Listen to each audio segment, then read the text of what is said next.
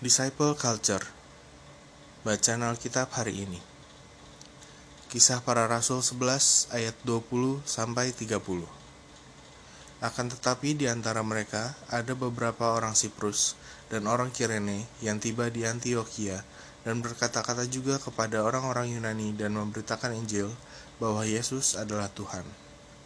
Dan tangan Tuhan menyertai mereka dan sejumlah besar orang menjadi percaya dan berbalik kepada Tuhan. Maka sampailah kabar tentang mereka itu kepada jemaat di Yerusalem.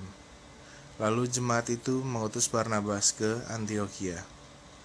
Setelah Barnabas datang dan melihat kasih karunia Allah, bersukacitalah ia.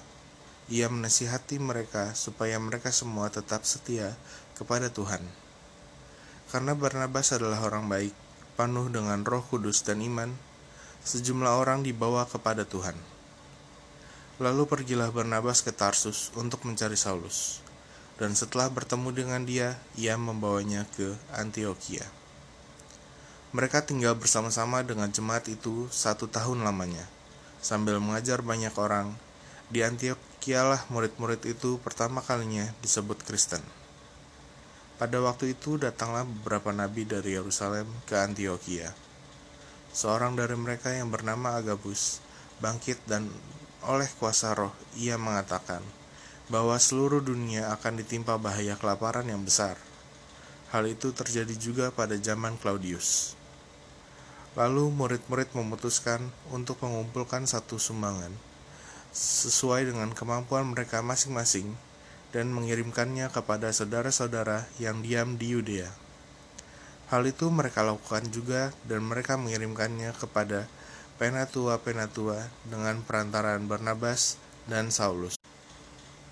Ayat hafalan Kisah Rasul 11 ayat 26 Mereka tinggal bersama-sama dengan jemaat itu satu tahun lamanya.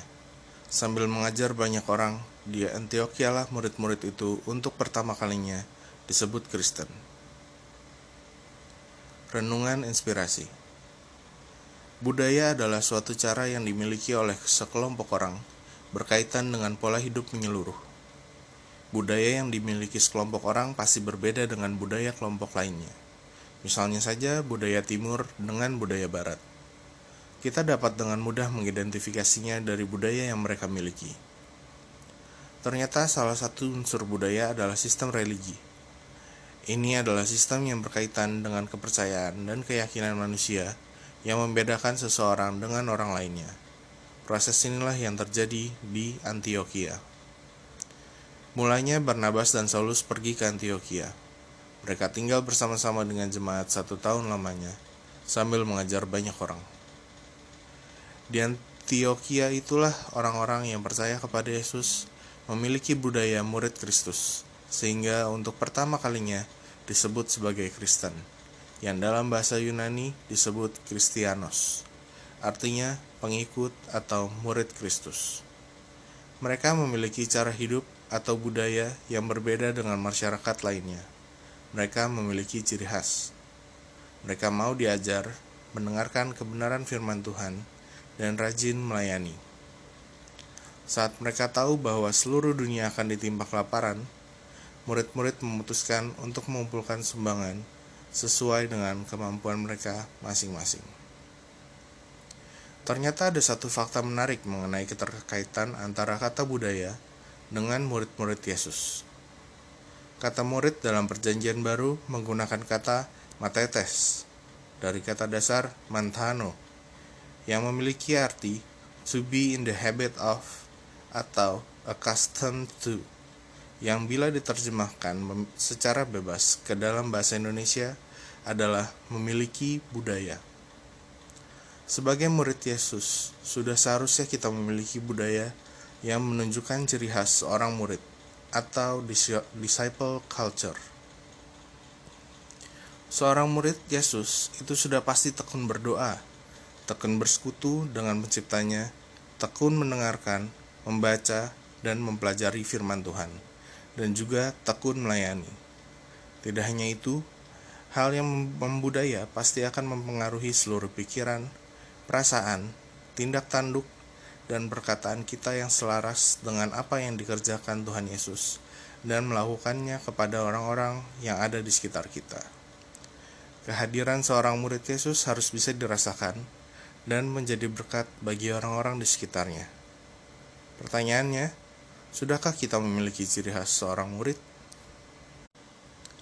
Refleksi diri. Ciri khas apa yang melekat pada budaya seorang murid Yesus? Ciri khas yang melekat menurut saya seharusnya selalu melakukan hal yang mencerminkan kasih Yesus, baik melalui ucapan maupun perbuatan.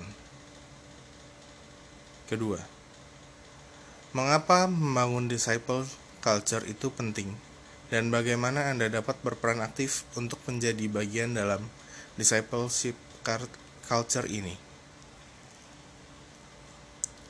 Penting karena kita memang berkewajiban untuk menerapkan dan menyebarkan ajaran kasih. Bagaimana? Dengan mencontohkannya dalam perbuatan dan ucapan kita sehari-hari. Amin. Pokok doa. Tuhan Yesus, terima kasih Engkau telah memilihku untuk menjadi muridmu. Hari ini aku berkomitmen dengan sungguh-sungguh. Aku mau menjadi murid yang siap diajar dan rela dibentuk Aku akan memperhatikan setiap perintahmu dengan teliti dan melakukannya, agar orang lain pun dapat dimuridkan olehmu melalui kehidupanku. Dalam nama Tuhan Yesus, amin. Yang harus dilakukan jadi seorang murid yang mau diajar dan rela dibentuk. Mulailah dengan membuka telinga untuk mendengarkan perintah Tuhan dengan penuh perhatian serta taat melakukan dan memperkatakan apa yang sesuai dengan ajarannya. Hikmat hari ini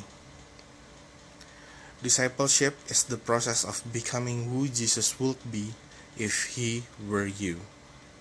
Dallas Willard